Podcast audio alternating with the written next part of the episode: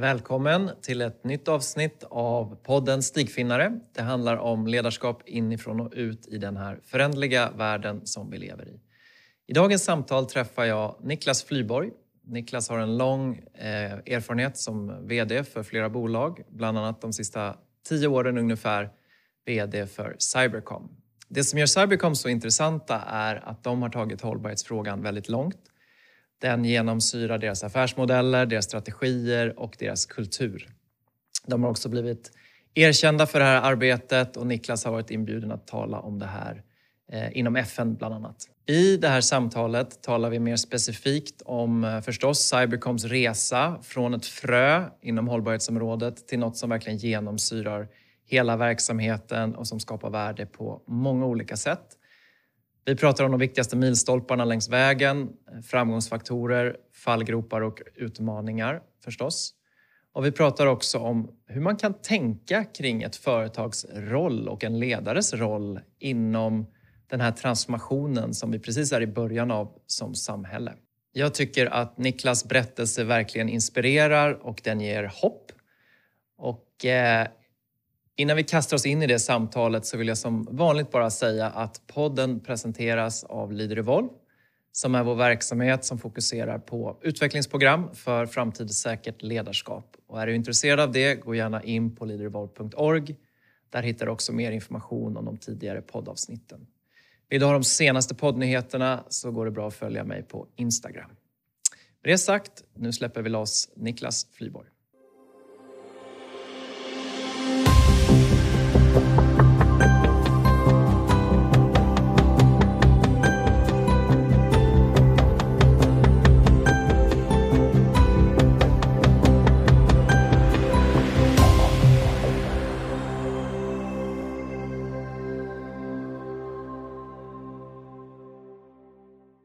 Niklas Flyborg, varmt välkommen hit till podden.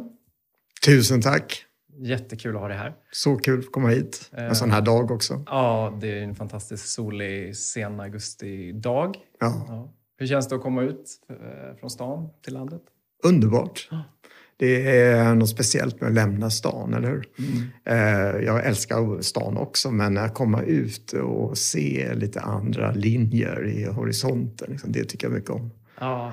Och det tänkte jag bara när jag tog mig hit ner. Att man behöver inte komma så väldigt långt ut från en stad som Stockholm innan man känner det där faktiskt. Jättefint. Ja, härligt. Och vi har precis tagit en liten, liten promenad runt här eh, på gården. Och det är verkligen en fantastisk dag. Så, alltså, jag tycker det är jättekul att ha dig här. Ehm, du, ehm, du har ju en lång karriär bakom dig som företagsledare. Och mm. Eh, sista nästan tio åren har du varit på Cybercom. Just det. Och det som jag tycker är så kul, det är ju en IT-konsult. Mm. Och jag själv har jobbat mycket med utveckling av konsultbolag och, och eh, jobbat och lett program för konsultchefer och sådär och eh, pratat en hel del om det här med att tänka lite större kring varför man är här och eh, kanske hitta ett lite större syfte. Och, mm. Men sen att få det att liksom genomsyra verksamheten är inte alltid så lätt, även om man har en god intention. Mm. Men, och det är därför jag tycker det här blir spännande för, för Cybercom har tagit framförallt hållbarhetsarbete eh, ganska långt. Mm. Eh, och inte bara som en grej man pratar om utan någonting som faktiskt genomsyrar er core business. Just det. Eh, mm. Så det ska bli jätte, jättespännande att höra om. Men innan vi kommer dit, du får jättegärna ge oss en kort bakgrund, din bakgrund och kanske också var ditt personliga intresse för hållbarhets, hållbarhetsfrågor eh, väcktes. Mm. Absolut. Jag, eh, jag börjar väl med att säga att jag är ju ekonom, jag precis som du, gått på Handels. Och jag tror som många som börjar den utbildningen så är man inte riktigt klar på det när man, eh, jag ska inte säga att man halkar in på ett bananskal, men ganska många av mina kompisar när jag började få studiekamrater där så kom vi fram till att eh, det var ingenting vi kanske direkt hade haft i siktet, men vi på olika vägar hamnade där. Och för mig var det en, en, en, perfekt fortsättning på att jag har varit i, i flottan i fyra år och eh, fått både ledarskap men med mycket sjömanskap. Och sen, så jag tycker kul att ha varit på sjön och, och kört båt och sen eh, få bryta det och komma in på en utbildning som handels. Det passade mig jättebra och, och eh, blev en bra grund eh, för mig att tänka vad ska jag göra sen? Och då blir det som jag tänker ofta att man är lättare, speciellt när man är ung och vet vad man inte vill göra än vad man vill göra. Mm. Eh, och det ledde till att jag började på konsultbolag. Eh, för att då tänkte jag då får jag se lite av varje.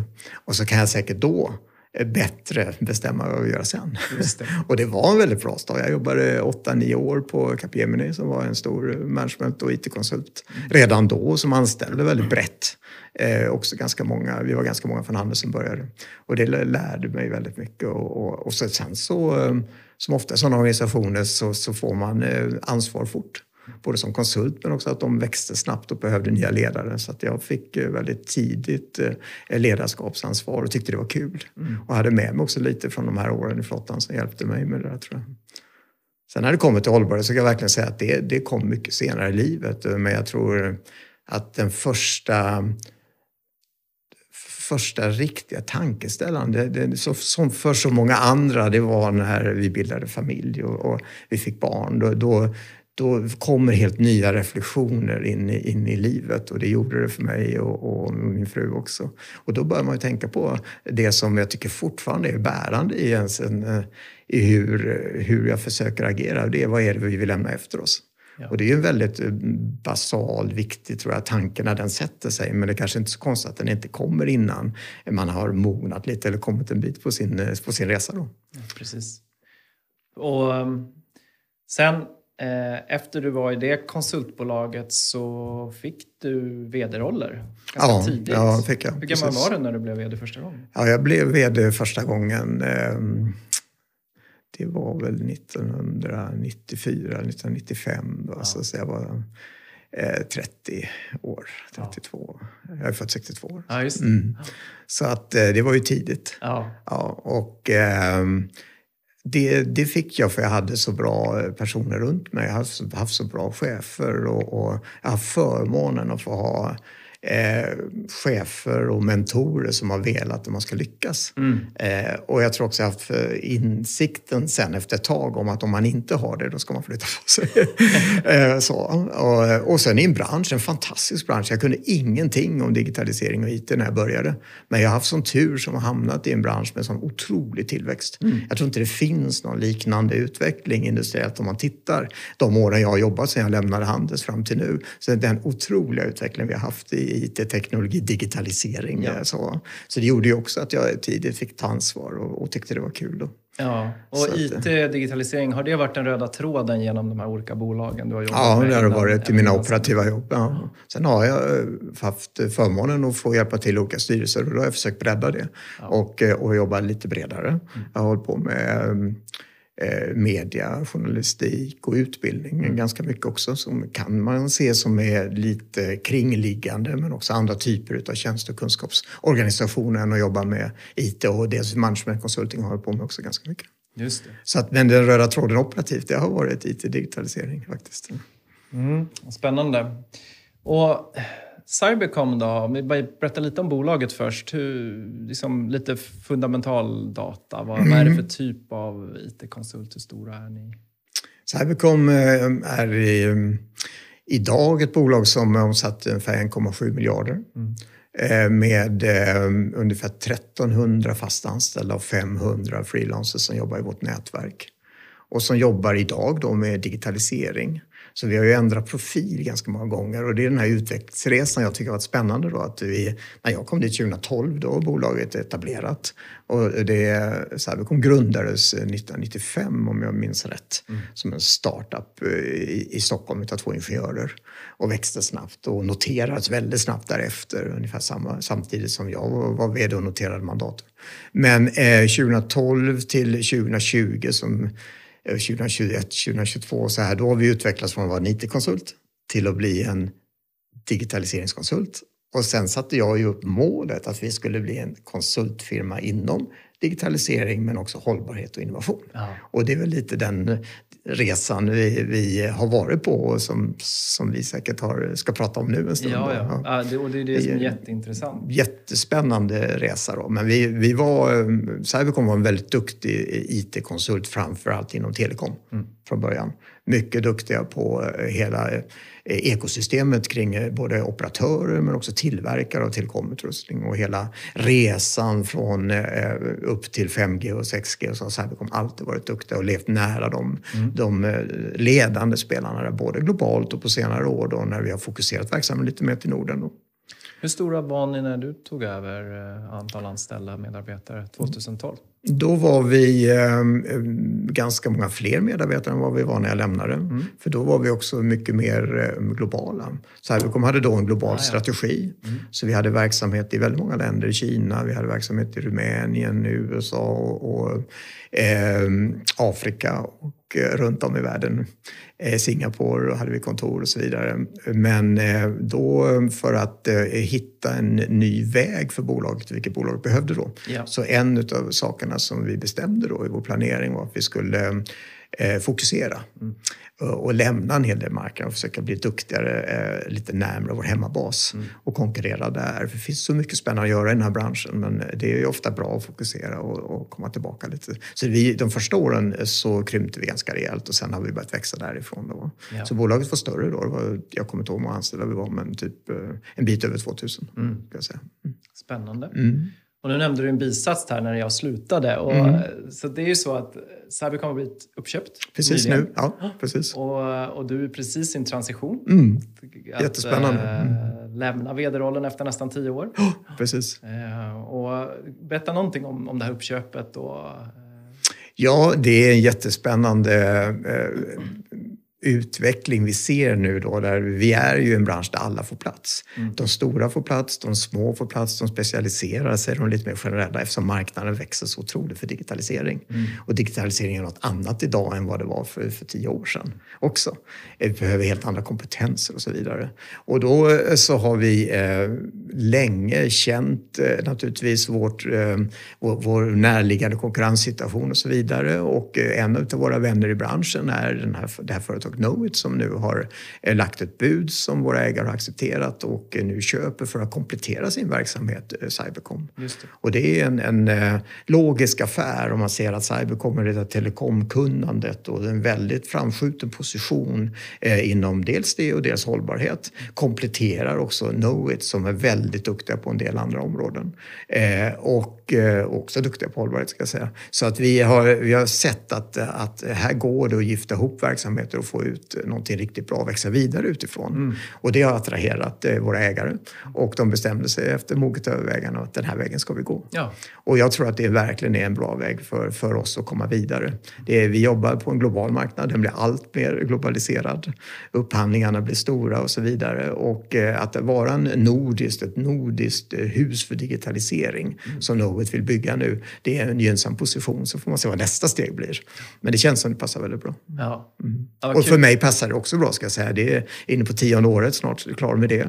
Och jag tror verkligen på att det kan vara bra, inte bara för mig utan också för organisationen mm. och få ett nytt ledarskap. Och, och, det blir ju, det vet ju du som har jobbat i sådana organisationer, efter några år så går man lite på gamla meriter. Ja. Det är kul fortfarande, det har funnits så mycket spännande att göra, inte minst vår hållbarhetsresa. Men ändå tänker jag att, att det kommer vara jättenyttigt för kollegorna och kunderna att få lite, en liten omskakning och lite nya sätt att göra sakerna på, inte minst. Alltså. Ja, ja men absolut. Så där är vi nu som företag och, och där är jag nu. En jättespännande steg och en eh, omtumlande på ett sätt och jätteskönt på ett annat sätt och kul. Ja, ja men jättespännande och jag, jag tänker att kanske mot slutet vi pratar lite grann om vad du, vad du tänker framåt och Just det. det är säkert en process du, mm. du är inne i.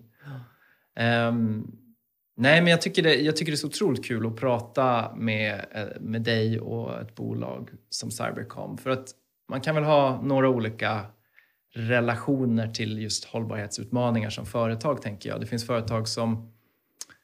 Eh, alla företag pratar ju om det på något plan numera, mm. skulle jag säga. Eh, nästan alla. Eh, men, men det finns ju något som man, man pratar mycket, men det händer väldigt lite. Eh, så finns det de kanske som pratar om det och man gör något någonstans. Eh, och så finns det de som verkligen tar steget att, att anpassa hela bolaget och strategin och mm. kulturen mm. till att liksom integrera utman alltså utmaningar. Det kan vara hållbarhet, det kan vara sociala utmaningar, det kan vara andra typer av utmaningar man faktiskt plockar in och, mm. och, och, och, det blir en integrerad del i det man är. Och, när jag läser och hör om er så låter det som att ni är ett bolag som har den ambitionen och har kommit en, en bra bit på väg. Mm. Så ta oss eh, igenom den här resan, eh, och det är säkert många delar i den, men hur, hur startade allt mm. med fokuset på att vi vill göra skillnad inom hållbarhet? Och vad är några av de här milstolparna längs vägen och kanske avsluta sen vad är, vad är ni idag? Men ta, mm. ta det lite från början. Ja, jag, jag, kan ju säga att när jag kom till Cybercom eh, så fanns det ett, ett hållbarhetsarbete som eh, jag inte visste om innan. Jag kände ju väl till bolaget eh, sedan tidigare, för jag har varit i branschen så många år. Mm. Men det här kände jag inte till. Och det var sprunget mycket ur, inte enbart, men mycket ur att vi på den tiden hade projekt i östra Afrika. Och vi, vi hjälpte en operatör att installera mobilnät. Eh, ute i, i de länderna, Rwanda, eh, Tanzania, Uganda och så vidare. Och våra team där kom ju hem och, och, och berättade om eh, hur det var där helt enkelt och hur, hur vad ny teknik kunde göra ja. för befolkningen på landsbygden och att man kunde ha sin bank i mobilen och skapa konton och, och, och de berättade om detta och de stötte också på en, en liten by där det fanns en skola som eh, SOS Barnbyar eh, hade tagit tag i och, och, och drev och kom hem och sa det där vill vi att vi, vi på Cybercom, vi vill stötta det där, vi vill att vi är med i den här utvecklingen. Och bolaget eh, bejakade det och, inledde då ett arbete med att, att, på den nivån som hållbarhetsdiskussionen var då. Det har ju hänt så otroligt mycket. Men engagera sig, vi, vi skickade IT-utrustning, vi besökte varje år den här skolan, vi var delaktiga, vi sponsrade också för att det skulle gå runt i, tillsammans med SOS Barnbyar, eh, utvecklingen. Alltså där, det var en, en, en ingång till att det fanns i, i hela bolaget då en väldig stolthet över att vi gjorde någonting mer. Mm. Och det slog mig att, att eh, det, här är ju no, det här är ett ben i kulturen i det här bolaget. Ja. Sen fanns det väldigt, väldigt mycket vi behövde förändra, det upplevde jag när jag kom till bolaget. Så jag tyckte vi skulle förändra. Sen om det behövdes eller inte, men min bild var att här behöver vi verkligen förändra. Och eh, så kände jag också då är det väldigt viktigt att identifiera det som vi ska ta tillvara på för att skapa en trygghet. Och detta var en av de delarna. Då. Så det, det, det är en ingång. Så det fanns ett frö? Det fanns ett sånt frö. En annan ingång till Cybercons hållbarhetsarbete det är att vi är en otroligt eh,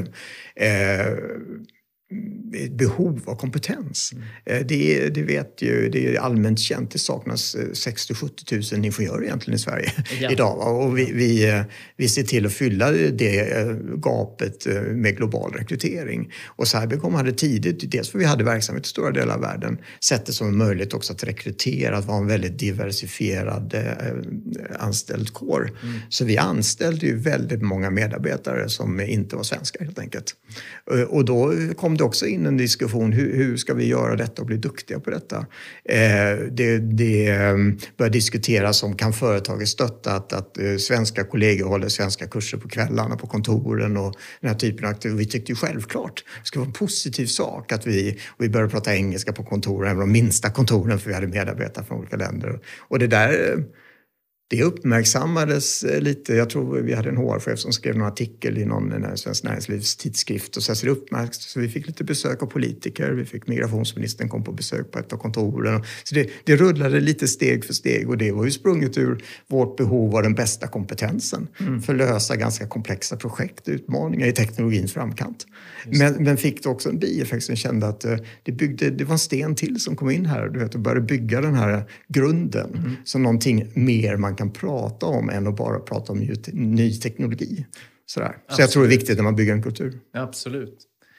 Ja, men spännande. Och hur, hur, lång tid, eller när, när kom det eh, till det att du, du och ni satte en tydlig riktning med hållbarhetsarbetet? Kanske mål eller vision? Och, ja, alltså, var, vad är vår ehm, ambition här? Och, och hur, hur, vad var den här första visionen eller riktningen? Hur såg den ut? Det var faktiskt de första åren som jag var med och inte på grund av att jag hade kommit hit utan att eh, vi hade kommit till den fasen då i arbetet. Eh, eh, vi, vi var väldigt tidiga med att ansluta oss till Global Compact mm. och, och, säga att vi skulle följa de tio principerna som, som Global Compact tog fram då. Det var ganska många år innan, innan SDG kom och sådär. Men där hade vi bestämt oss tidigt att vi skulle vara med. Vi var också väldigt tidiga med att publicera en hållbarhetsredovisning. Eh, innan det var? Innan det var, ja verkligen. Och, och jag, jag, verkligen, precis. Långt innan och, och, långt innan vi såg att andra i vår bransch eh, gjorde det. Så att det fanns ju där mål mm. eh, satta. Att vi ville liksom göra någonting mer. Vi ville summera vad vi gjorde även inom det området. Mm. Och sen i omstruktureringen vi gjorde av bolaget de där åren för att eh, komma på en, en framgångsrik väg och bygga värde då, så passade det bra att bygga in det redan då. Även om inte det var en del av strategin så passade det bra som en byggkomponent mm. i, skulle jag säga. Så 2013, 14 jobbade vi med det. Eh, 2015 hade vi ju eh, en milstolpe i att vi fick ju besök från FNs generalsekreterare eh, Ban Ki-Moon. Och det hade att göra med att eh, det här tidigare, allting hänger ju ihop. Att, att migrationsministern i Sverige hade besökt ett av våra kontor och sen kom Ban Ki-Moon och så på statsministern och då skulle han ut i verkligheten en dag. Och då så, så funderade jag, vad ska vi ta honom? Och då var det någon som sa, ja men det där bolaget. Så då ringde de och, och då hade vi mm, förmånen att eh, få eh, vara värd till eh, generalsekreteraren på FN och hans lilla entourage. En, en, en, inte en hel dag, men ett par timmar. Och då hade vi satt upp runda bordsamtal där vi just tog in medarbetare med väldigt olika bakgrund.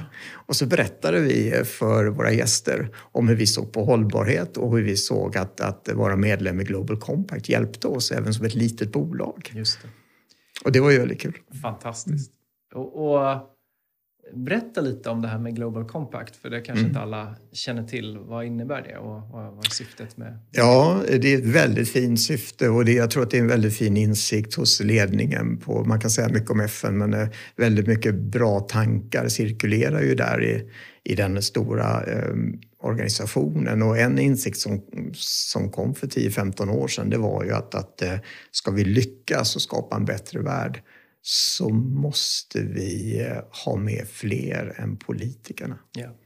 Eh, och vilka är det vi ska ha med? Vi ska ha med Dels så ska man också eh, säga att, att de har kommit också till insikten att vi, vi ska inte bara ha med länders politiker. Vi borde adressera borgmästarna mm. eh, och, och, så vidare. Så det är dels det jag tänker, men också att vi måste på företagen. Mm. Eh, och Global Compact kom ju igång då som ett initiativ för att få med företag. Att man, man eh, får, får tillsammans med eh, FN diskutera hållbarhetsfrågor och egentligen FN-frågor var det ju från början i kontexten att man är företagare. Och, och härbärgerat under de här tio principerna som man då skriver under att man ansluter sig till. Mm. Som företag? Som företag, mm. som företag precis. Och, och, man skriver under, vdn och CEOn skriver under varje år. Och, och att man är med. Och, och därmed eh, kom man in i en grupp utav företag eh, som då jobbar tillsammans eh, med detta. Och jag kan säga att när jag engagerade mig då 2015 för efter generalsekreterarens besök bjöd han in mig till FN. Dels på en lunch själv men också till en leadership summit och till de här mötena eh, som Private Sector Forum heter det, så det är för att få med privata sektorn. Ja. Och, och, första gången jag var där så var det kanske ett 80-tal bolag där. Mm. Och jag kan lova dig att, att eh, Cybercom var det absolut minsta bolaget representerat. och de pratade om eh, när man bjöds in att man skulle komma med sin delegation och vilka som fick vara med på vad. Och delegationen från Cybercom, det var me and myself. det var, men det var ju fantastiskt. Det var lunch med Angela Merkel och det var liksom potentat och man fick höra hur de diskuterar och så. Så det var en väldigt inspirationskälla för mig personligen. Mm. Eh, och utifrån det eh, så fick jag träffa företagsledare och i runda bordssamtal prata om hur digitalisering skulle kunna vara möjliggörare. Och, och de visste det samtidigt som de var otroligt artiga och också frågade mer, lite, lite mer insight om hur går det till, vad ligger, hur långt har vi kommit idag 2015 med AI till exempel. Ja. Det var en sån här fråga jag fick då från vet, chefen på BP eller något sånt Det var jätteintressant att, att få vara med eh, i, i de där forum. Och efter det så fick jag mycket inbjudningar så där föddes mitt eget engagemang. Jag tänkte jag, det här måste jag sätta av tid för. Mm. I samma veva började företaget också gå bättre. Så det fanns en större... Alltså på något sätt, man får ju säga, vad är man egentligen? Jag är ju företagsledare. Jag mm. hade ett ansvar att, att vi skulle skapa värden i det här bolaget. Ja. Eh, och det, det gavs utrymme ändå att börja jobba med detta och så började jag då i den vevan tänka att detta kan ju också bli en värdeskapare mm. framåt. Mm. Wow, vad, vad häftigt. Och för, så du blev liksom, förutom att du var företagsledare så blev du också en, ambassadör på sätt och vis för den här typen av... Jag blev engagerad mycket, ja precis. Ja. Mm. Vad, där 2015 då, vad, vad var de liksom största eh, delarna som, som säger, du bidrog med kopplat till hållbarhet? Saker som ni gjorde eller bidrog med till era klienter. Vad var du mest stolt över att kunna dela med, med de här människorna? Men då, eh, 2015, då, då eh, det var två saker egentligen. Dels så började vi då diskutera om digitalisering eh, skulle kunna vara en, en riktig möjliggörare för att uppnå SDG. Och jag var med på de här mötena SDG antogs, blev inbjuden och då kände man liksom att, att, att vara digitaliseringskonsult i detta, det måste ju vara helt rätt. Och så gick runt och frågade om det och då, då började vi formera oss. Kristina Cato som är en jätteduktig kommunikations och hållbarhetskollega eh, till mig, vi började liksom säga att det här borde vi få ut till våra kunder och, och mm. ha med i någon typ av erbjudande. Ja. Eh, så det, då började vi faktiskt första gången söka kunder som var intresserade detta och hittade det också. Ska att använda digitaliseringen som hjälp för att, för att i sin egen verksamhet uppfylla... SDG står för? Ja. Eh, development Goals, ja, Sustainable Development FNs. Goals. Precis, FNs, ja. FNs 17 mål som antogs eh, de åren, då, 2016-17. Mm. Precis. Mm. Hur, så det var det ena. Ja. Förlåt, det var det, liksom det här spåret mot, mot kund. Ja. Att det kan bli en del av vår affär. Mm. Vi började prata om det då. Mm. Det andra var internt då, liksom kulturskapandet på företaget. Mm. Och då var ju de här åren då eh, som, eller begreppet triple P kom. Mm. Du vet, att, att, man kan prata inte bara som företagsledare om att det ska göras profit utan vi ska ta hänsyn både till planet och people ja. och profit. Och ja. När jag hörde det där på något seminarium, liksom, det kändes ju klockrent. Ja. Så där är det ju förstås. Det, det finns ett större syfte mm. med att vara digitaliseringskonsult också. Mm. Och idag, nu har det gått några år, det här är sex, sju år sedan. Idag känns ju detta som att det har ju gått hem. Men då kändes det att man behövde formulera det ganska bra för att eh, det skulle tas emot bra. Ja, internt också. Internt också, mm. eh, faktiskt. Men jag var hjälpt av... Vi hade en kader av duktiga och har fortfarande jättemånga duktiga kollegor som, som har sett detta också, kanske innan jag såg det och sett kraften. De är, de är mer Eh, de är mer eh, fackkunniga så de ser mer möjligheterna då också än vad jag som är, liksom mer generalist ser. Men de har också inspirerat och ställt krav på att det ska hända. Mm. Och då tänkte jag faktiskt att, att ska vi göra det ska det vara på allvar. Mm. Det får inte bli eh, halvdant eller någon greenwashing eller bara lite. Så då gick vi all in, så vi, vi, vi började då investera mycket eh, faktiskt. Och som jag sa, tack och lov började vi gå bra då också. Ja. Så vi kunde liksom, för allt hänger ju ändå ihop så. Det är lätt att säga nu att vad gjorde vi det? Men så är det ju inte i vardagen när man ska utveckla någonting. Och vi hade varit på börsen, vi blev utköpta, det kom nya förväntningar på vad vi skulle nå för mål då och så vidare. Så, så ni, ni definierade det de målen och kanske det syftet och den, den liksom rollen och den kulturen med mer inriktning på helhet och hållbarhet. Mm. Och sen säger du så investerar vi. Vilken typ av investeringar gjorde ni?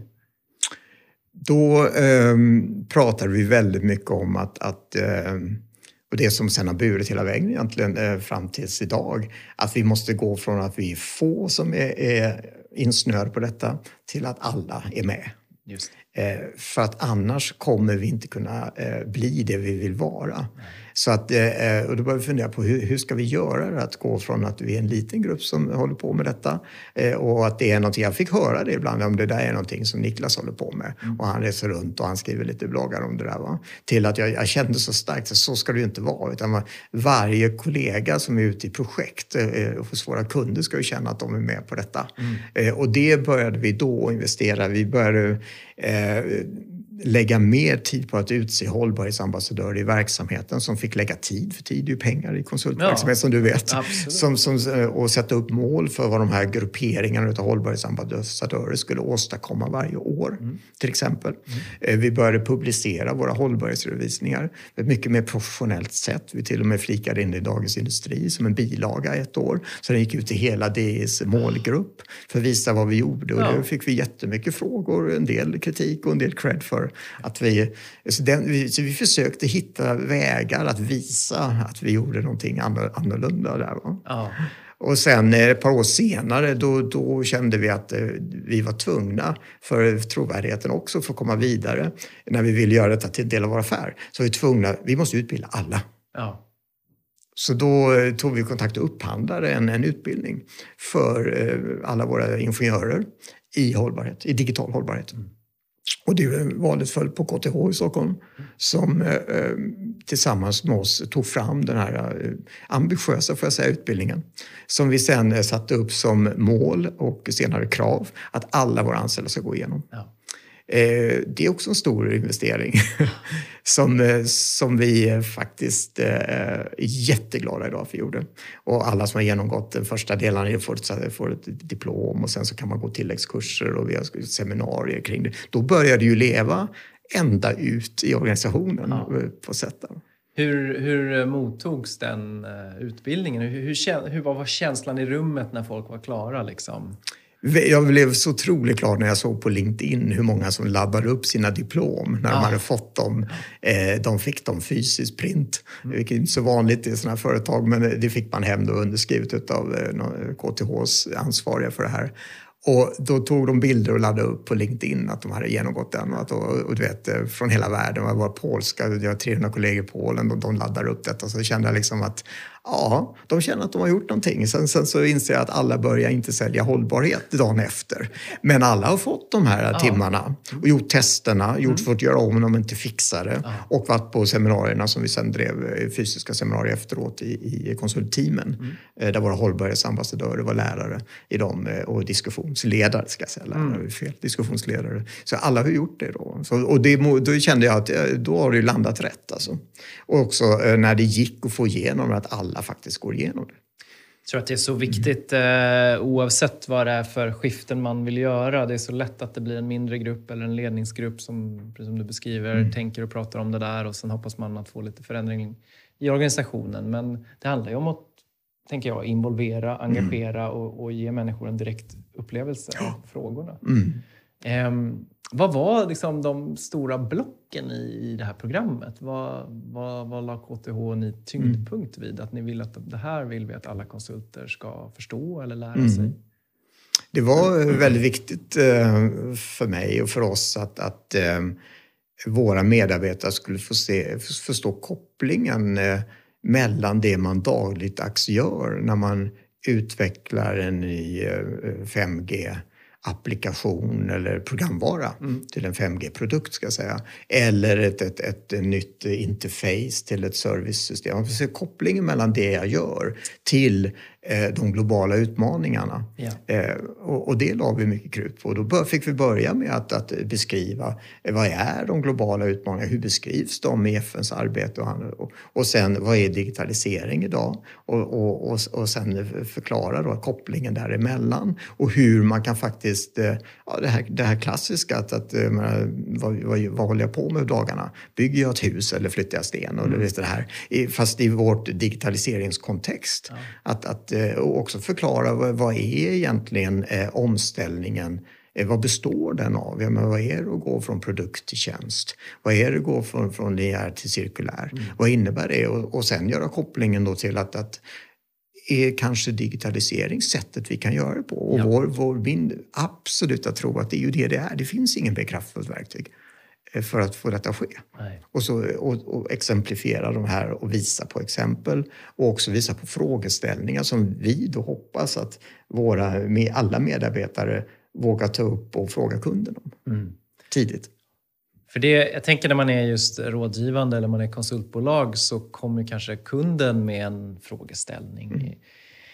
Eh, är ni medvetet med ibland och, och liksom är lite sparringpartner och utmanar det för att uppmärksamma kunden på möjligheter utifrån hållbarhetsmålen? Väldigt mycket. Det är ju så vi måste göra. Ja. För vi är ju inte heller kända. Vi får ju vara realister och inse att vi är ju kända som en IT och digitaliseringskonsult, inte som en hållbarhetskonsult. Och vill vi föra in frågorna då måste vi utmana. Vi måste också där kunna förklara kopplingen mm. Eh, mellan verktyget digitalisering och företagets strävan att skapa värde genom att också bli mer hållbara. Och så att väldigt mycket har vi haft workshops och, och diskuterat med vår säljkår eh, vad detta innebär. Och det är inte lätt. Och jag skulle säga att, att om 20 procent av, av, våra säljare, nu har vi inte bara säljare utan vi många konsulter säljer vid sitt uppdrag och partners och säljer och sådär. Men om, om 20-25 procent är med på tåget är jag glad. Mm. För det är inte självklart eh, att, att ta med sig det, den pitchen ut eh, också, eh, faktiskt. Precis. Vad, vad, skulle du säga om det finns några exempel du känner dig verkligen stolt över att där Cybercom har varit en del i att hjälpa en, en kund att göra någonting där man tar, tar rejäla steg ur mm. ett hållbarhetsperspektiv. Mm. Kan du ge något sånt? Absolut, exempel? ja. Men det, det, vi har ju jättefina exempel. Sen har vi ju också löften till kunder att inte outa dem Nej, eh, helt och hållet. Men vi, vi, vi, vi har varit med och omdefinierat eh, eh, erbjudande för en stor division i ett industriföretag. Mm. Vad är det de ska erbjuda sina kunder? Och där det egentligen är från att gå från att erbjuda en produkt till att erbjuda en tjänst. Ja. Och, och, vad det då innebär i att göra målstudierna på det. Hur mycket det skulle tarva i investering i, i IT-system mm. för att, att tillhandahålla den eh, tjänsten. Men också för att hjälpa den kunden att identifiera vem är köparen av tjänsten, för det var inte samma som köparen av produkten. Och det är ju ett, ett managementkonsultuppdrag, mm. tillika ett, ett eh, designuppdrag, att ja. designa servicedesign eh, till exempel. Då. Mm. Så det, och det kom upp i en, en, gemensam dialog med det industriföretaget och de bestämde att vi börjar med den divisionen mm. och så har de velat gå vidare därifrån. Jättespännande. Vi har också eh, varit med med ett annat stort globalt företag och definierat eh, var deras bidrag kan vara som störst mm. ur ett hållbarhetsperspektiv. För sen gå vidare eh, till att se vilka verktyg skulle vi kunna utveckla då för att eh, snabbare nå, ta hem de vinsterna ja. hållbarhetsmässigt eh, till exempel. Mm. Men sen tycker jag väl ändå, att om det inte är en konkret kund, att en, väldigt viktig och en milstolpe för oss. Det var eh, när eh, vi läste om eh, färdplansarbetet som regeringen satte igång. Och vi kollade upp att det, det fanns ju ingen som frågade efter en färdplan för, från digitaliseringskonsulterna. Och, och vi tänkte att det där är ju tokigt. Det är klart att vi måste kunna göra en, en jätteintressant färdplan ja. åt regeringen hur digitalisering kan hjälpa till och, och, och få ner utsläppen. Ja. Men det fanns ingen insikt hos det hos de ansvariga då. Och vi gick igång och pitcha och, och drog verkligen ett lass för att få till att man till sist eh, sa ja visst ska vi göra en färdplan för digitaliseringskonsulten också och den tog vi ansvar för. Och det var en stor investering och, det, och så bjöd vi in alla våra konkurrenter i, i branschen, mm. alla vänner i branschen mm. och sa att, att eh, Eh, nu ska vi ta fram en färdplan för digitaliseringskonsulterna, färdplan till fossilfritt för digitaliseringskonsulterna. Och så ledde vi det arbetet och bjöd in eh, alla andra och, tog fram den. Och fick lämna över den till regeringen på eh, något jippo på Berns och, och, och, på en iPad. Och så har vi jobbat vidare med den efteråt. Och det var också en milstolpe, för det, det lärde inte bara oss utan även politiken, tror jag, hoppas jag, ja. en del. Och vi kunde också visa detta att det har inget med Cybercom att göra. Det är vi som bransch. Vi bjöd in alla våra vänner i branschen. Jag bjöd in vdarna, 23 vd till vd-möten kring detta. Vi käkade en bit och pratade och vi berättade var vi stod och varför det var viktigt. Mm. Jag eh, ringde, vi fick eh, eh, efter lite förfrågningar möjlighet att bjuda in näringsminister Baylan kom och pratade med oss på de här vd-mötena och, och också diskutera hur digitalisering kan vara för digitaliseringen i sig, vi har ju inga utsläpp som konsulter. Nej. Utan vår möjlighet är att hjälpa de andra branscherna. Precis. Och du, du pratar ju själv mycket och helt riktigt om silorna som finns idag i samhället. Va? Och vi kände att här har vi ju en silo breaker. Eh, eh, komma och hjälpa de andra färdplanerna att realisera sina mål mm. med hjälp av digitalisering. Istället för att säga att, du, att vi reser. Ja, men det, är, det är ju ingenting jämfört med vad vi kan göra med digitalisering inom skogen och järn, inom bygg och, och cement och betong och allt det här. Det. Så att, eh, vi har ju jobbat på tvärsan med vår färdplan. Men eh, det, det har varit ett jättekul arbete och nu går det vidare med att vi har bildat en förening som heter Digitaliseringskonsulterna eh, där vi samlar hela vår bransch kring de här frågorna. Fantastiskt. Det är ju oerhört inspirerande att höra och jag tror att eh, de, den typen av exempel som ni har gjort här där man först får en impuls att det här, det här stämmer inte, här fattas det någonting eller här skulle vi kunna bidra på ett samhälleligt plan, får man ändå säga att det är när det handlar om politiken. Mm. Och sen agera på det. för jag tror verkligen att det är flera saker du beskriver som är väldigt intressanta. Dels är det själva att, att du skapar ett samarbete och en dialog mm. i hela er bransch kring Jätte, de här frågorna. Jättekul, jättespännande. Och, och, och sen att för fram att det här kan vi bidra med på ett mycket större plan mm. politiskt. Och, eh, jag tänker att vi behöver många sådana initiativ för att hjälpa våra politiker både ha rätt kunskap men också kanske våga mm. fatta eh, rätt beslut. Ja. Eh, och då är det bra att känna att man har en hel bransch i ryggen till exempel. Jättebra. Som politiker. Tycker mm. Precis. Eh, vad har varit under den här resan det mest utmanande? För det låter på dig som att du kom in, du, du hade tänkt lite själv kanske innan, mm. men du kommer in i det här bolaget där det finns ett frö eh, fokuserat på hållbarhet. Och gradvis så ser du, låter det som, mer och mer potential i det här. Eh, och, eh, och sen någonstans bestämmer ni för, okej, okay, ska vi göra det, ska vi göra det på riktigt? Eh, och då handlar det om att få med hela organisationen. Vad har du känt varit mest utmanande längs den resan och det svåraste? ja, jag, ehm, jag har i, i, i stundom känt att det, ehm, att det har varit utmanande att ha det här riktigt långa perspektivet. Mm. Eh, vi är i en snabb bransch. Ja. Eh, vi eh, som alla andra och ska vara utsatta för ganska spänstiga mål vad vi ska åstadkomma. Mm. Ett tag var vi på börsen, sen var vi inte på börsen. Det är inte så stor skillnad. Så det finns alltid kravställare och det ska det finnas också. Och kombinera då ett sånt här ganska långsiktigt genom gripande kulturförändringsarbete men jag också leverera. Jag känner väldigt ansvar och kul också. Jag, liksom, jag brinner för att utveckla företag. Och, och kombinera de där två har stundom varit eh, svårt eh, faktiskt. Det förstår jag och, och ofta är det väl så att om man bara tänker på en, en, en genomsnittlig ägare eller en genomsnittlig styrelse, om mm. det finns en sån, så som VD har man väl så att säga välsignelse att driva den här typen av projekt så länge man levererar resultat. Ja, och, och, går ut över resultatet, då blir det väldigt mycket svårare. om du inte har en ägare som drivs av andra saker precis. och kan ta det långsiktiga perspektivet. Men mm. det är ju, ganska ovanligt kanske. Då. Det är ovanligt och där vill jag verkligen säga att vi har haft en fantastisk eh, ägarbild. Mm. Eh, när vi lämnade börsen, även innan, men när vi lämnade börsen har vi haft stabila, långsiktiga ägare mm. och, och de senaste åren också som majoritetsägare en så kallad impact investor som betonar hur viktigt detta är och utvärderar oss efter de, de kriterierna. Då. Så att det har varit en ja. jätteviktig del i det hela verkligen. En annan sak jag vill säga som har varit utmanande, det, det, det är mer konkret, men det är att, att, eh, att leverera på löften.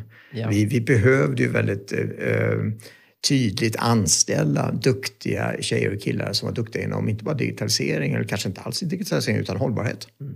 Eh, och vi var inte kända för det. Eh, och då eh, kan jag känna att jag och andra, vi, vi var så måna om att få de här duktiga individerna till oss. Så vi eh, lovade mer än vad vi sen...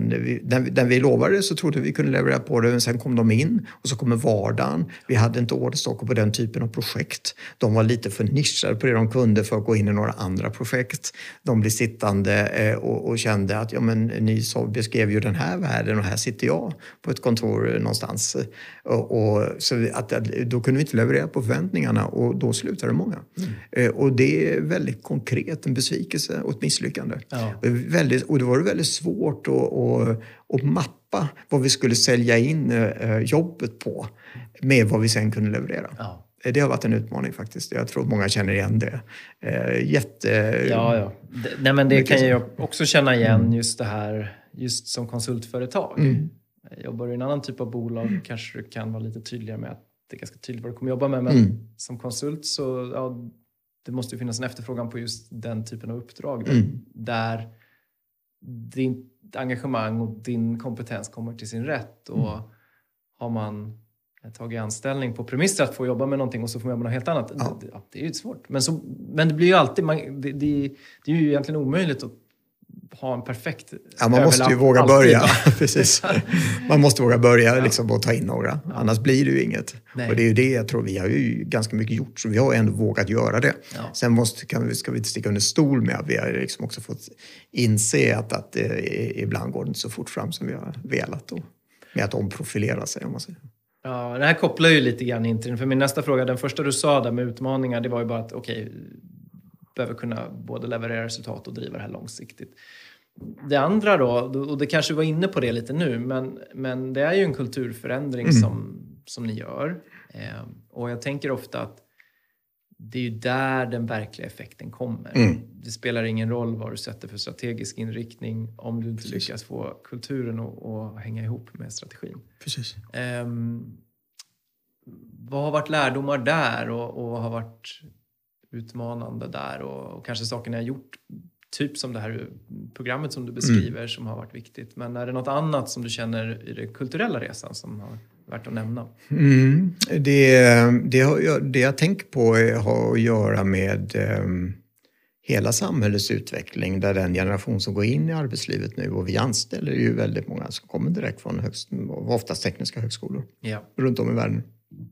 Där jag upplever att de, den generation som går ut i arbetslivet nu de väljer arbetsgivare på nya premisser. Mm. Det är välkänt och det diskuteras ofta. Och, och eh, när vi kör våra induction days, och jag träffar alla nyanställda på en sån dag då vi träffas en dag och, och pratar bolags vad vi står för. Då frågar jag alltid vad var det som gjorde att ditt val verkligen föll på att börja på just Cybercom? För det är så många duktiga i branschen och sådär. Och, och jag, jag, kan lova dig att, att eh, utan undantag senaste mm. året så har det varit hållbarhet. Utan undantag. Och då tänker jag, eh, dels är det ett kvitto på att vi, vi är en bit på väg. Mm. Det är inte kvitto på kultur, men jag tänker när de kommer in mm. med det som urvalskriterier då kommer kulturen att påverkas. Mm. Så tänker jag. Absolut. Då är de på väg in som har valt oss på de kriterierna. Då kommer de vara verktyg för att eh, skapa den kultur jag tror vi behöver för att skapa värde i bolaget. För det är det det går ut på. Vi blir mer värdefulla för våra kunder om vi också kan hjälpa kunderna att, att bygga hållbarhet. Inte bara bygga digitalisering. Nej, precis. Så där kan jag se liksom att, vi, att det där funkar. Ja. Eh, sen tror jag att man väljer andra företag på andra premisser. Men eh, väldigt många unga studenter som kommer ut och vill jobba har ju med sig det här perspektivet. Mm. Tycker det är viktigt att visa i action ja. att, man, att man, man, väljer utifrån det. det och, och det blir ju lite till att leva upp till då, på tal om Exakt. det. För, Precis. Att, för att hålla, om man nu går in med de förväntningarna. Och det, mm. Har du upplevt det? Att en del människor jag bland annat pratar med här i, i podden mm. eh, och i andra sammanhang säger ju att det, det är inte alltid så lätt. Det, här liksom, det kan finnas en klyfta över generationer. Mm. Man förstår inte riktigt fullt mm. ut varandras världar.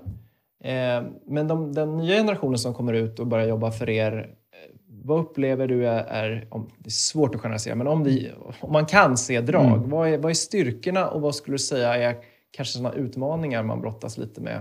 Mm. Ja, jag, jag kan känna en, en, en väldig eh, tilltro till deras eh, dels eh, självförtroende. Ja. Eh, faktiskt, jämfört med när jag själv kom ut i näringslivet. Mm. Det är ju underbart att se vilket självförtroende jag har och hur eh, uppkopplade dagens utbildningar är mot resten utav eh, samhället. Ja. Eh, jämfört med vad jag upplevde när jag gick på Handels. Eh, faktiskt, även om man gjorde mycket bra där så kan jag uppleva att idag är det en helt annan diskussion. Och det, det är väldigt hoppfullt tycker jag. Då. Och med det kommer ju också förväntningar som vi var inne på. Då. Det, det tycker jag. Då. Sen, sen tänker jag också att, att eh, dagens eh, arbetstagare som kommer in i vår typ av företag, de har ju en kortare horisont. Mm. Och det har säkert att göra med att tempot har gått upp, globaliseringen har fortsatt och, och möjligheterna i det uppkopplade samhället är många. Va? Men eh, jag tänker att, att okej, okay, om vi ligger på ungefär 20 personalomsättning som jag tror konsultfirmor gör ungefär i snitt, mm. ja då, då ger man oss fem år av sitt liv. Och i de här medarbetarnas värde, det är jättelång tid. Ja. Alltså. Sen kan jag säga, ja, men när jag jobbade på 90-talet i sådana här företag, då hade vi 10 personalomsättning. Men det, det har hänt någonting där. Liksom. Så jag tänker att, att det gäller då att vara effektiv som organisation. Att snabbare få payback på investeringen mm. i en ny medarbetare. Yes. För de stannar kanske max de fem år. Ja. Eller rent krasst. Ja, och det ställer nya krav. Men jag tycker också att det är väldigt, väldigt positivt. Mm. Därför det gör att vi också kommer ta till oss medarbetare som har någonting mer med sig mm. än bara skolan. För de kommer byta flera gånger, kanske byta karriär flera gånger under sin arbetsliv jämfört med vad vi gjorde förr. Det. det tror jag är väldigt bra. Och jag tror tror att det kan hjälpa till att ändra diskussionen med kunden kring hållbarhet och digitalisering också. Ja, absolut. Jag tror det. Mm. Nej, men det, där, det där tycker jag man hör från flera håll. Just den, den ehm, ja, beskrivningen mm. och den dynamiken. Mm. Um, och jag tänker ju att det här med hållbarhet och överhuvudtaget saker som engagerar människor på djupet får ju kanske potentiellt sett effekter att man faktiskt väljer att stanna längre också. Ja. Inte bara att man attraherar till utan att man Precis. väljer. Att det finns en, en förhoppningsvis upplever man en, en fördjupad meningsfullhet. Att mm. man bidrar till någonting som går bortanför mig själv. Liksom Maslows eh, högsta Absolut, nivå. Att jag ja. kan få ut det på jobbet också. Mm. Ja. Om vi byter spår lite grann, i och med att du är så pass intresserad av de här frågorna och också varit i en del av de här dialogerna med FN och så vidare. Mm.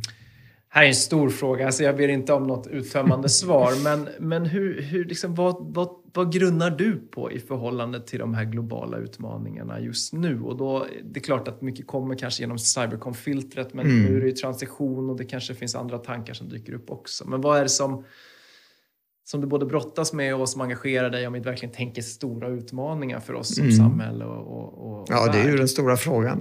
Det, och det är en jättebra fråga som du säger, svårbesvarad så här. Men eh, jag, jag brottas ju en hel del med eh, vad, vad, vad, vad, är, vad är det vi måste göra? Och där är jag själv så övertygad om att, att lösningen, vi kan inte vi kan inte spara oss fram till det hållbara samhället. Nej. Vi måste innovera oss mm. fram till det hållbara samhället. Det är ja. min övertygelse. Mm. Och när jag ser, ibland är jag lite besviken på politiken och så här, jag, jag, kan, jag kan tycka att mycket av diskussionen är på att minska det dåliga. Istället för att, att diskutera hur vi med hjälp av innovation, som vi de facto är väldigt duktiga på i Sverige till exempel, eh, skapar det nya och, och, och, lämna det gamla och inte göra det mindre dåligt utan lämna det och skapa det nya med hjälp av innovation och digitalisering och IT och AI och machine learning. Allt som kommer nu kan vi skapa nu. Och där kan jag tycka att en utmaning att diskussionen är lite men, i, men, i att minska det dåliga. Jag håller med dig. Det där är en hjärtefråga för mig också. Att det känns ofta som när vi, när, vi, när vi lyssnar på den politiska debatten att det handlar om inkrementell förändring. Ja. Okej, okay, vi tar någonting och så, som du säger, vi minskar det dåligt lite grann, vi förbättrar det bra lite grann. Eh, men det är fortfarande i, i samma paradigm av eh, tankevärld ja. vi rör oss i. Ja. Eh, och då hinner vi ju inte. Nej, då hinner vi inte. Nej. Utan vi behöver, ju, vi behöver ju bli någonting som vi aldrig har varit Exakt. som samhälle. Mm. Eh, och det handlar ju om transformation. Mm. Och transformation är ju svårt för, för det handlar ju, man kan inte bara transformera på ytan utan man måste ju beröra på djupet mm. med människors värderingar och attityder. Och för, alltså där. Så, ja. Och, och, hur, kan, hur, kan vi, hur tror du vi kan ta steg mot den typen av tänk istället för att tänka att vi gör lite mindre av det? Byt liksom. Byt mm. system. Och, och, vi var inne på det lite på lunchen där mm. faktiskt. Vi pratade Precis. om det där med hur, men det, är inte bara, det handlar kanske inte bara om politiska beslutsfattare. Men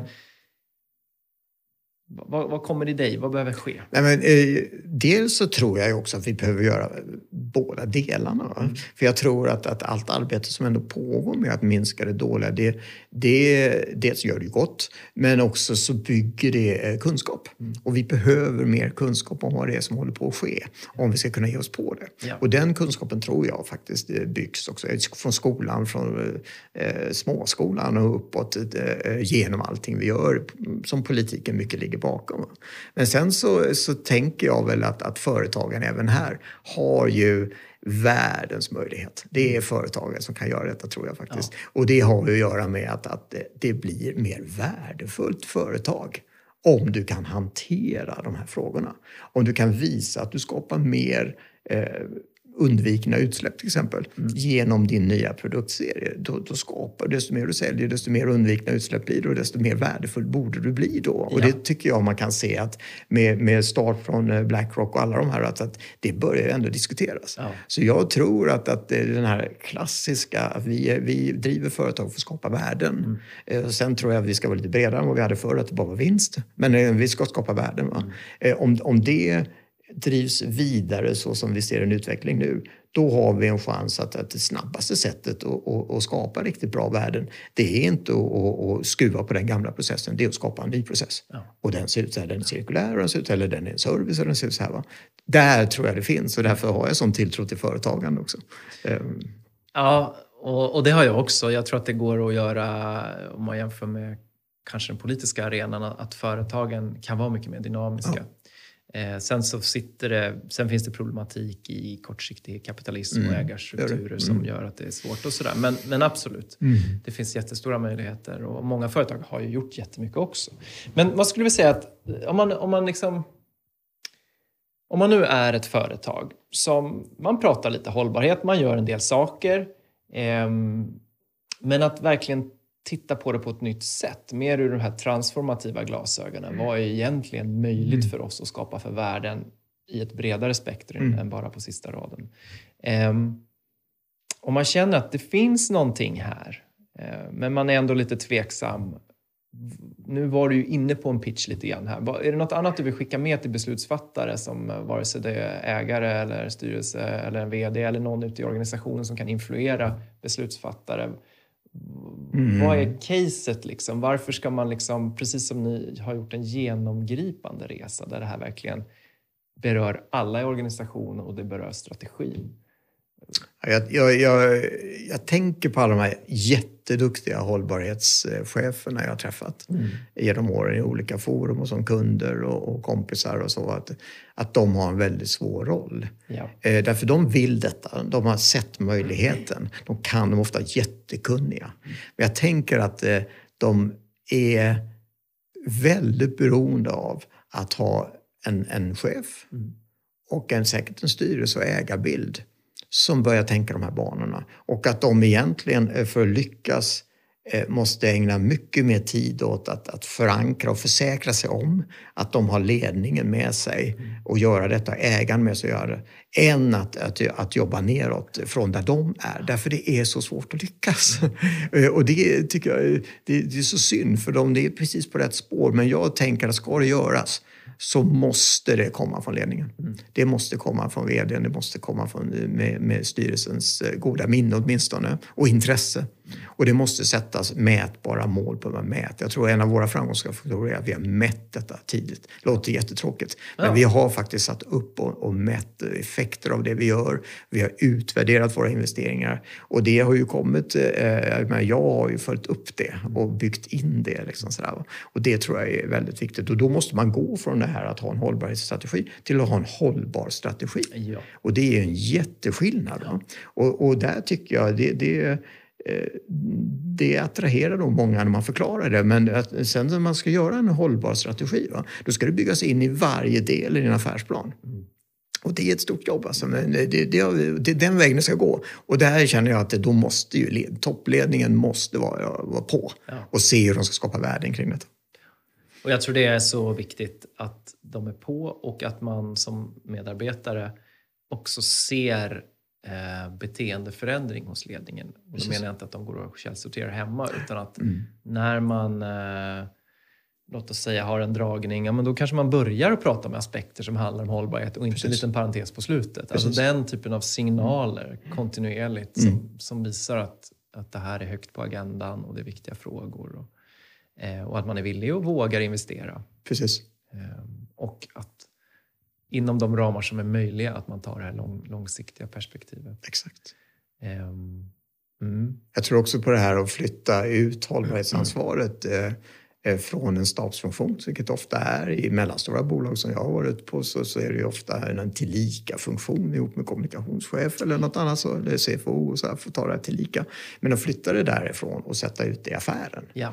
det är också en sån här, om man frågar konkret, vad är det som behöver göras för att det ska hända? Ja. Och det vet jag stora Volvo-divisioner som har gjort. Mm. Och, så där, och, och, vi gjorde det för ett par år sedan, flyttade ut det till att bli en konsultroll för vi skulle ha det i vårt erbjudande. Och så här. Det, den där typen av steg är också viktiga om det, om det verkligen ska hända. Om man frågar konkret vad ska man göra så är det väl också ett tips att flytta ut i businessen. Ja. Då, då ska det motivera sin plats där.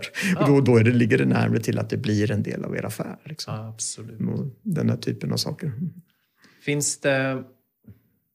E, alltså för att kunna vara en ledare eh, och det behöver inte vara att man är högst upp i en organisation. Och jag menar egentligen med ledare eh, vem som helst som vill influera ett mm. system som eh, driver den här typen av frågor.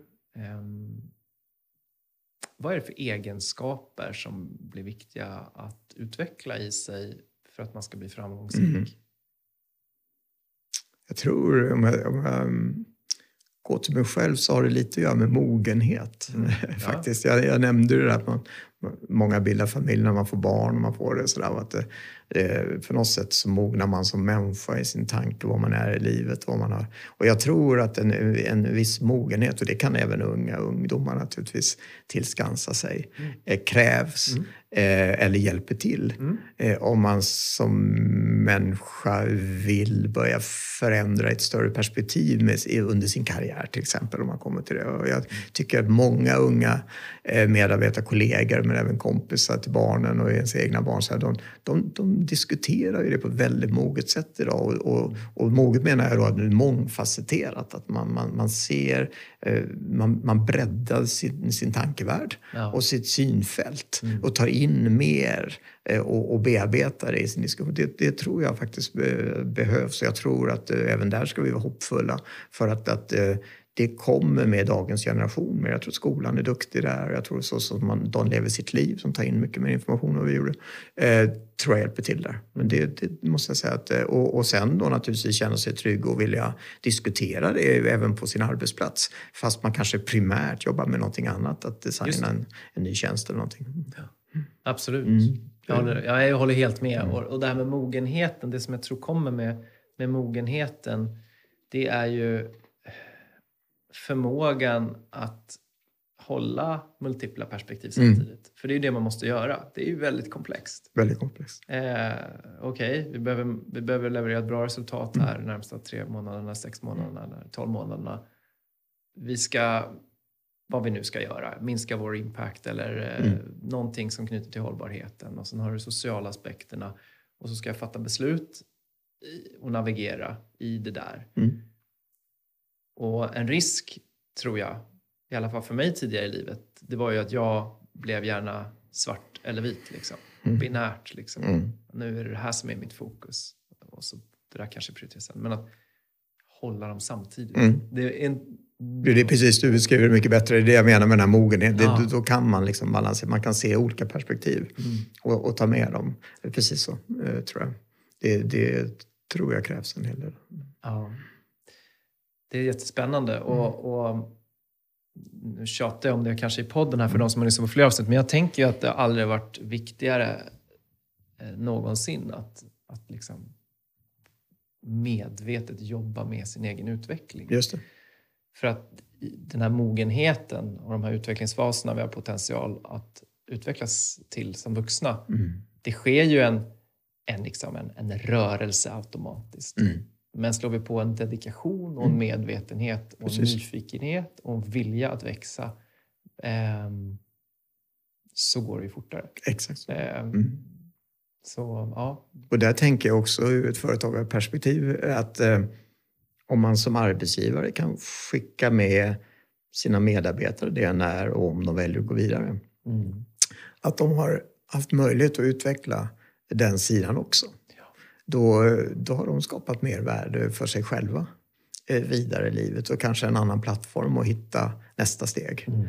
Eh, så jag, jag, tänker att det är det jag, hoppas våra kunder ska uppleva, att, att de får mer värde genom att anlita oss. Därför vi också redan i offerterna väver in en hållbarhetsaspekt på det vi frågar att göra. Mm. Så hoppas jag att medarbetarna också ska känna. Mm. Och där, det är också en lång resa. Jag, jag vet att vi absolut inte är där. Många medarbetare som skulle tycka att, att det, det förstår jag inte. Sådär, va? Men, men desto fler som kommer dit och man jobbar med det så har man med sig det som person och i sitt ledarskap och i, i sin, sitt varande.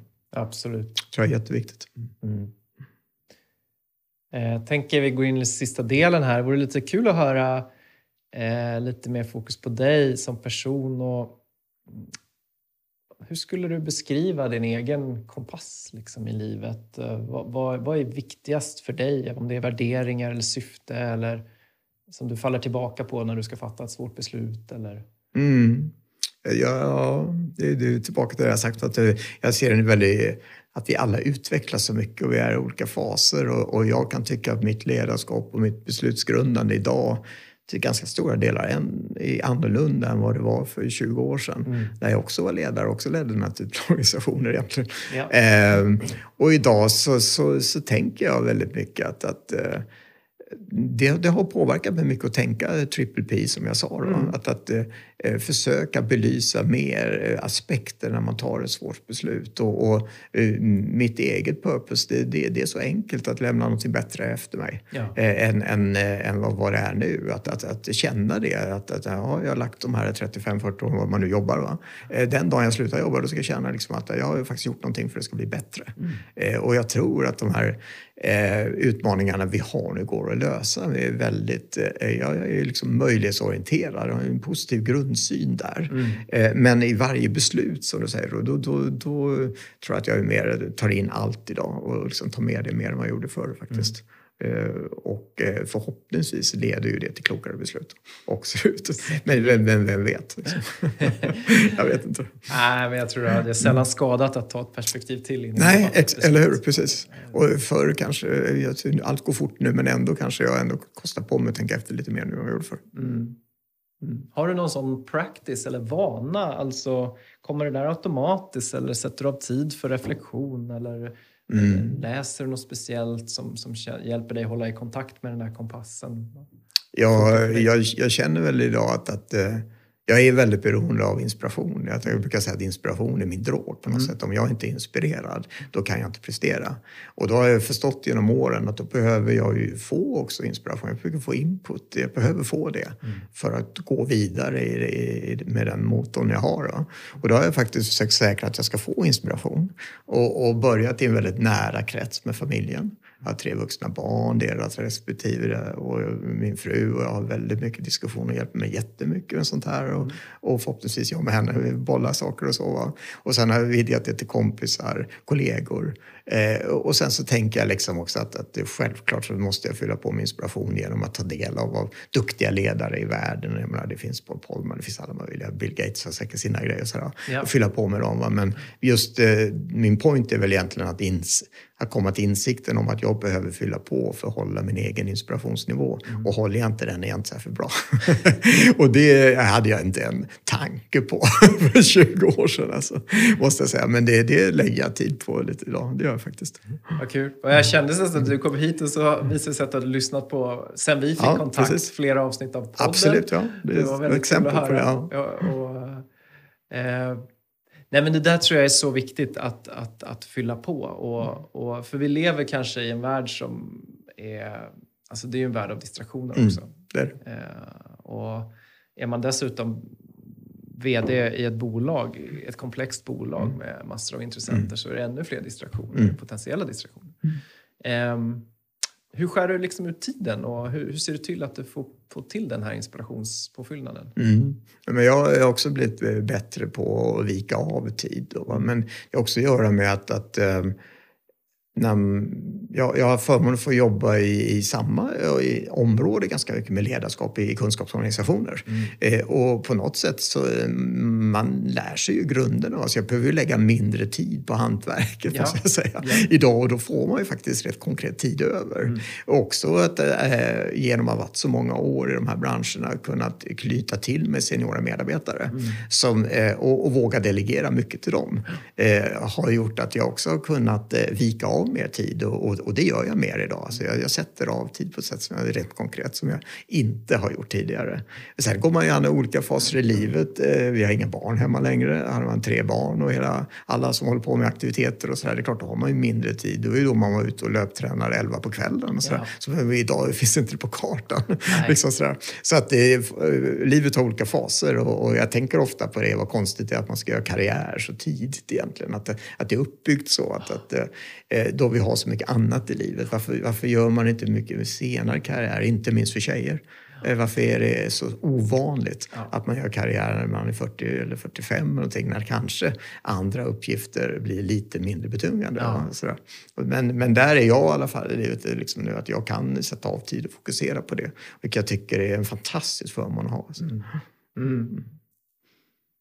Precis, och du var inne på några saker. För jag tänker att det ena är ju att committa till att okay, jag, ska, jag vill skära ut tid till någonting som när mig eller som, mm. som jag upplever är hjälpsamt. Och det andra är ju att, och du, du är inne på det tycker jag, men det är ju att okej, okay, vad ska jag sluta göra? Mm. Eller vad ska jag sluta, vilken information ska jag sluta ta in? Mm. Det, det, har du gjort något sånt där medvetet beslut att nej men, nej men det här sammanhanget ska jag inte vara i eller den här informationen ska jag inte ta in utan för den ja. hjälper mig inte alls. Nej men jag Eh, inte så med, jag, alltså, inte säga att jag är så medveten, men vi, vi har i, i ledningen på Cybercom från tid till annan eh, gått in för den filosofin att, att skippa grejer och se om det går bra. Ja. Och går det inte bra så kan vi alltid återinföra dem. Ja, eh, för att vi, vi var mötensintensiva och vi gillar varandra och vi liksom så också sådär. Men kom fram till, säkert någon klok kollega som liksom eh, adresserade frågan då, att ska vi inte bara försöka liksom ta alla de där rapporteringarna varannan gång eller var tredje gång och se om det går bra. Ja. Och går det bra så, så har vi sparat tid. Mm. Och det gjorde det har vi gjort ett flertal gånger faktiskt ja. och det är ju jättebra. Å andra sidan har vi lagt in på varje ledningsmöte business ethics eh, som en stående agendapunkt för att alltid när vi ses ha eh, tid för att diskutera den typen av spörsmål. Och då, då har vi, då adresserar jag alltid frågan, har det hänt någonting, vad ska vi ta upp här idag? Eh, ja, så på ledningsgruppsmötena så har ni en punkt som heter business ethics ja, där ni diskuterar etiska ja som har kommit upp i... Dilemma ja, och utmaningar. Exakt så, precis. Och det eh, började jag med i den det vi kallar koncernledning i vårt eh, bolag då. Och sen har det faktiskt, eh, har jag sett etablera sig ner i organisationen så att man kör det. Och det är en tillkommande aktivitet, men så jag tänker på, på det här med att bredda sitt seende och ta in andra perspektiv. Mm.